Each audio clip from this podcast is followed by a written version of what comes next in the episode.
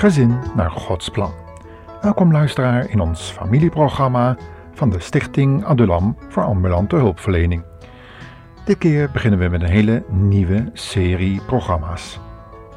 Het zijn programma's die handelen over wedergeboorte, bekering, heiliging, toewijding en, ja, natuurlijk om hiermee te beginnen, hoe laten we de Heer Jezus binnen in ons hart?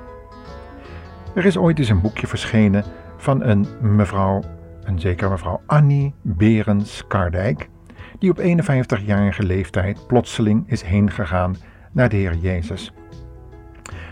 Ze was een schrijvende huisvrouw uit het dorpje Nijverdal. Ze is nogal bekend geworden door haar eenvoudige manier van voordragen. En waarin ze allerlei familieleden en kennissen, vrienden, buren en wie er ook maar met haar in gesprek kwam, op de hoogte kon stellen van haar eigen bekering en hoe ze in haar eigen huishouding met haar man en kinderen de Heer Jezus beleefde en de Heilige Geest die haar werkte ook in haar leven kon laten zien. Ze wil beginnen met u en mij en iedereen die wil luisteren op de hoogte te stellen hoe je de Heer Jezus in je leven kan binnenlaten. En dat is een erg belangrijk beginsel. Zeker omdat dit het programma Gezin naar Gods plan is. En dan willen we samen als gezin zien hoe de Heer Jezus hele gezinnen tot bekering wil brengen, om daarin te wonen en te werken. Ten slotte is het gezin een soort beeld van de Heer Jezus en zijn gemeente. Het is dus erg belangrijk dat we als gezin ook leven naar het plan van God. En daarom willen we beginnen met het thema wedergeboorte. Wat is dat eigenlijk?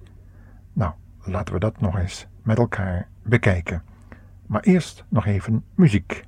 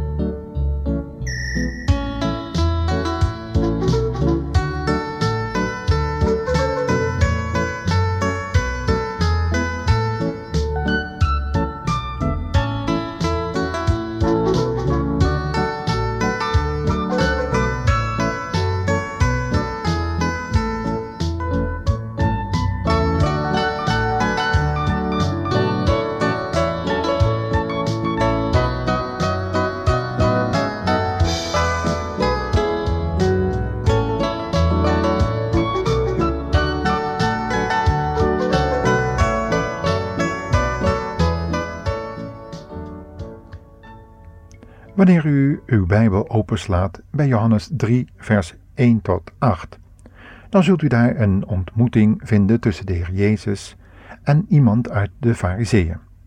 Zijn naam was Nicodemus, een overste van de Joden. Deze kwam s'nachts tot de Heer Jezus en zei tot hem: Rabbi, wij weten dat u van God gekomen bent als een leraar. Want niemand kan die tekenen doen welke u doet tenzij God met hem is. Jezus antwoordde en zeide tot hem: Voorwaar, voorwaar, ik zeg u, tenzij iemand wederom geboren wordt, kan hij het koninkrijk Gods niet zien. Nicodemus zei tot hem: Maar hoe kan een mens geboren worden als hij oud is? Kan hij dan voor de tweede maal in de moederschoot ingaan en zo opnieuw geboren worden? Jezus antwoordde: Voorwaar, ik zeg u, Tenzij iemand geboren wordt uit water en geest, kan hij het koninkrijk Gods niet binnengaan. Want wat uit vlees geboren is, is vlees, en wat uit de geest geboren is, dat is geest. Verwondert u niet dat ik u gezegd heb: Gij moet wederom geboren worden. Ja, dat zegt de Heer Jezus. Als je niet wederom geboren wordt. Wat is dat eigenlijk een moeilijk woord? Wedergeboorte. Begrijpen we eigenlijk wel wat de Heer Jezus hiermee bedoelt? Waar gaat het nu hier precies om? Weet je, dit gesprek met Nicodemus is eigenlijk het meest onbegrepen gesprek onder de christenen. Maar dat dit gesprek een van de voornaamste gesprekken is geweest tussen de Heer Jezus en de mensen die hij ontmoette, is wel duidelijk. Want hier staat of valt je bekering mee. En hoe is het eigenlijk? Zou de Nicodemus het gesprek begrepen hebben? Of zou hij het maar het liefste ver van zich afschuiven? Die vraag kunnen we onszelf natuurlijk ook stellen. Daarom gaan we met elkaar in deze programmareeks het woord wedergeboorte eens verder uitdiepen. Dit moeilijke woord. En kijken of we een ander duidelijk woord voor in de plaats kunnen zetten. Want het is nooit de bedoeling van de Heer geweest dat we zijn gesprek met ons niet zouden begrijpen. De betekenis van wedergeboorte is eigenlijk gewoon opnieuw geboren worden. Weder betekent eigenlijk gewoon opnieuw. Weder betekent ook nog een keer. En weder betekent ook terug. Dat is eigenlijk best eenvoudig te begrijpen. Kijk, als je nog een keer geboren moet worden, houdt dit in dat het de eerste keer niet goed, niet volledig gebeurd is. Dat er een tweede, een betere geboorte op moet volgen. En als weder ook betekent terug, dan ligt daarin opgesloten dat we helemaal terug moeten naar het beginpunt. Nou, dan zullen we met elkaar afspreken dat we nu een streep zetten door het woord wedergeboorte en dat we er in de plaats zetten opnieuw geboren worden. Opnieuw geboren heeft dus dezelfde betekenis, maar het is veel begrijpelijker voor ons. Nu we gezien hebben dat opnieuw ook betekent terug, gaan we samen terug naar het beginpunt. En dan zijn we precies waar we wezen moeten, nietwaar? Dat beginpunt ligt namelijk in het paradijs. Tja, die toestand in het paradijs was anders dan de toestand waarin wij nu leven. Adam en Eva leefden toen voor de zondeval. Het was een heerlijk leven van wandelen met God. Ze waren rein, zonder zonde, één met God. Anders gezegd, hun lichaam en geest waren onafscheidelijk met elkaar verbonden en zij leefden daardoor intens met God. Ze praten met God, ze kregen opdrachten van God en zo was de toestand van die eerste mensen in het paradijs, die een heel gelukkig koppel vormden. Dat is tegenwoordig nog wel eens anders, nietwaar? Een van de opdrachten was dat zij niet mochten eten van de vrucht van de boom van kennis van goed en kwaad. Tja, dat lijkt negatief, om daarmee te beginnen. Maar zo was het dan ook niet gebeurd. God had een boom in het midden van die hof gezet en daar mochten ze van eten. Dat was de boom van het leven. Maar ergens anders stond ook een boom. En daar mochten ze niet van eten. Dat was de boom van kennis van goed en kwaad. Maar op een dag werden Adam en Eva verleid. Ze werden ongehoorzaam aan het gebod wat God ten leven had gegeven.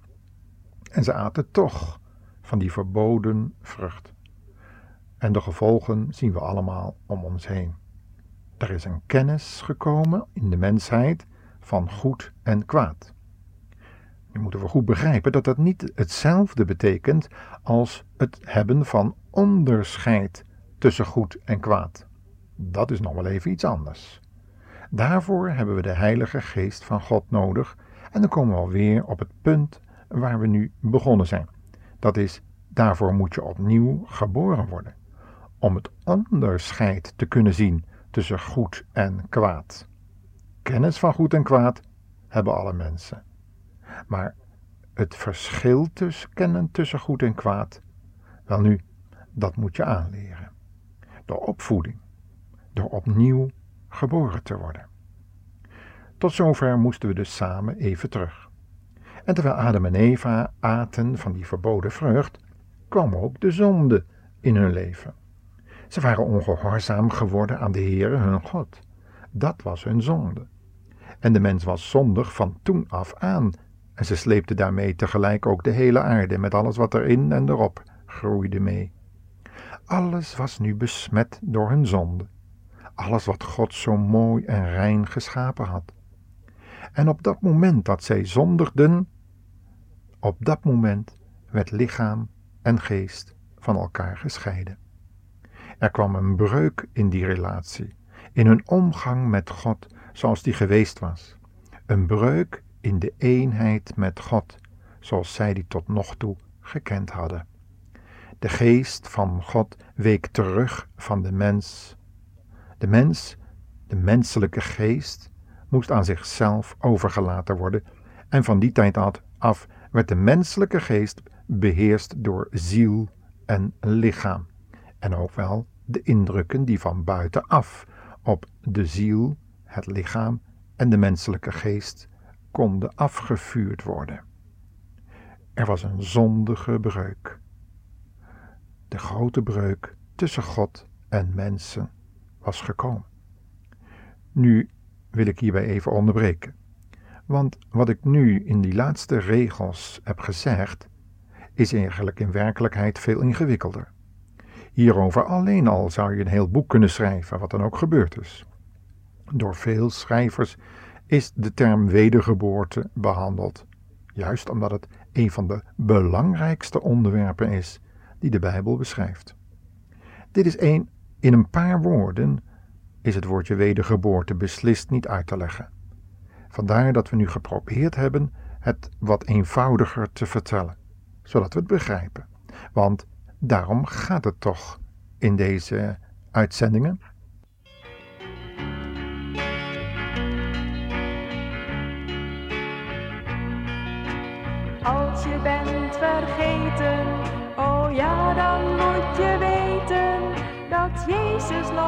Dezelfde is en blijft in eeuwigheid.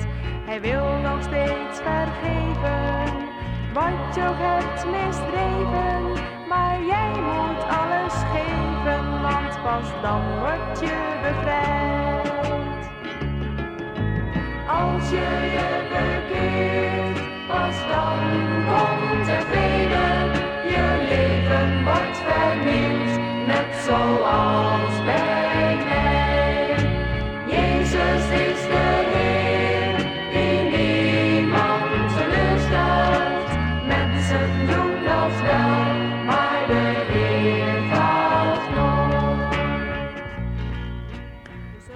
het is dus heel duidelijk dat er bekering en wedergeboorte plaats moeten vinden. Want de grote breuk is gekomen. Maar nu komt gelukkig in de Bijbel die grote liefde van God al direct naar voren in het begin van het Oude Testament. Direct na het falen van de mens belooft God dat hij iemand zal sturen om die breuk weer te herstellen. Om lichaam en geest weer één te maken. Hij belooft het aan Adam en Eva. En wat God belooft, dat doet hij ook. En daar staat de Heer Jezus. Daar staat de Zoon van God. Gods eigen Zoon staat daar om deze breuk weer te gaan herstellen. De zonde die scheiding gebracht had tussen God en de mens, zal weggenomen worden. De belofte wordt vervuld. Wat is dat geweldig! Want als dat niet zou gedaan zijn door de Heer Jezus, dan zouden we ook niet opnieuw geboren kunnen worden. Maar nu de Heer Jezus zegt: opnieuw geboren worden, dat is noodzakelijk, wel nu, dan kan dat ook. Dan kunnen we ons bekeren en ingaan op die belofte van God. Daarvoor is nodig dat we het contact met God de Vader terugkrijgen. En dat kan alleen, zei de Heer Jezus, via Hem. Hij heeft gezegd: wie tot God komt, moet eerst geloven dat Hij bestaat en dat Hij een beloner is van iedereen die Hem zoekt. En dan, als je de weg tot God de Vader wil vinden, wel nu, dat kan alleen via de Heer Jezus. Nou, dat was dan een begin van een serie programma's waarin het thema eigenlijk is wedergeboorte en bekering. En waarin we boven het programma zouden kunnen zeggen: Ja, Kom binnen, Heer.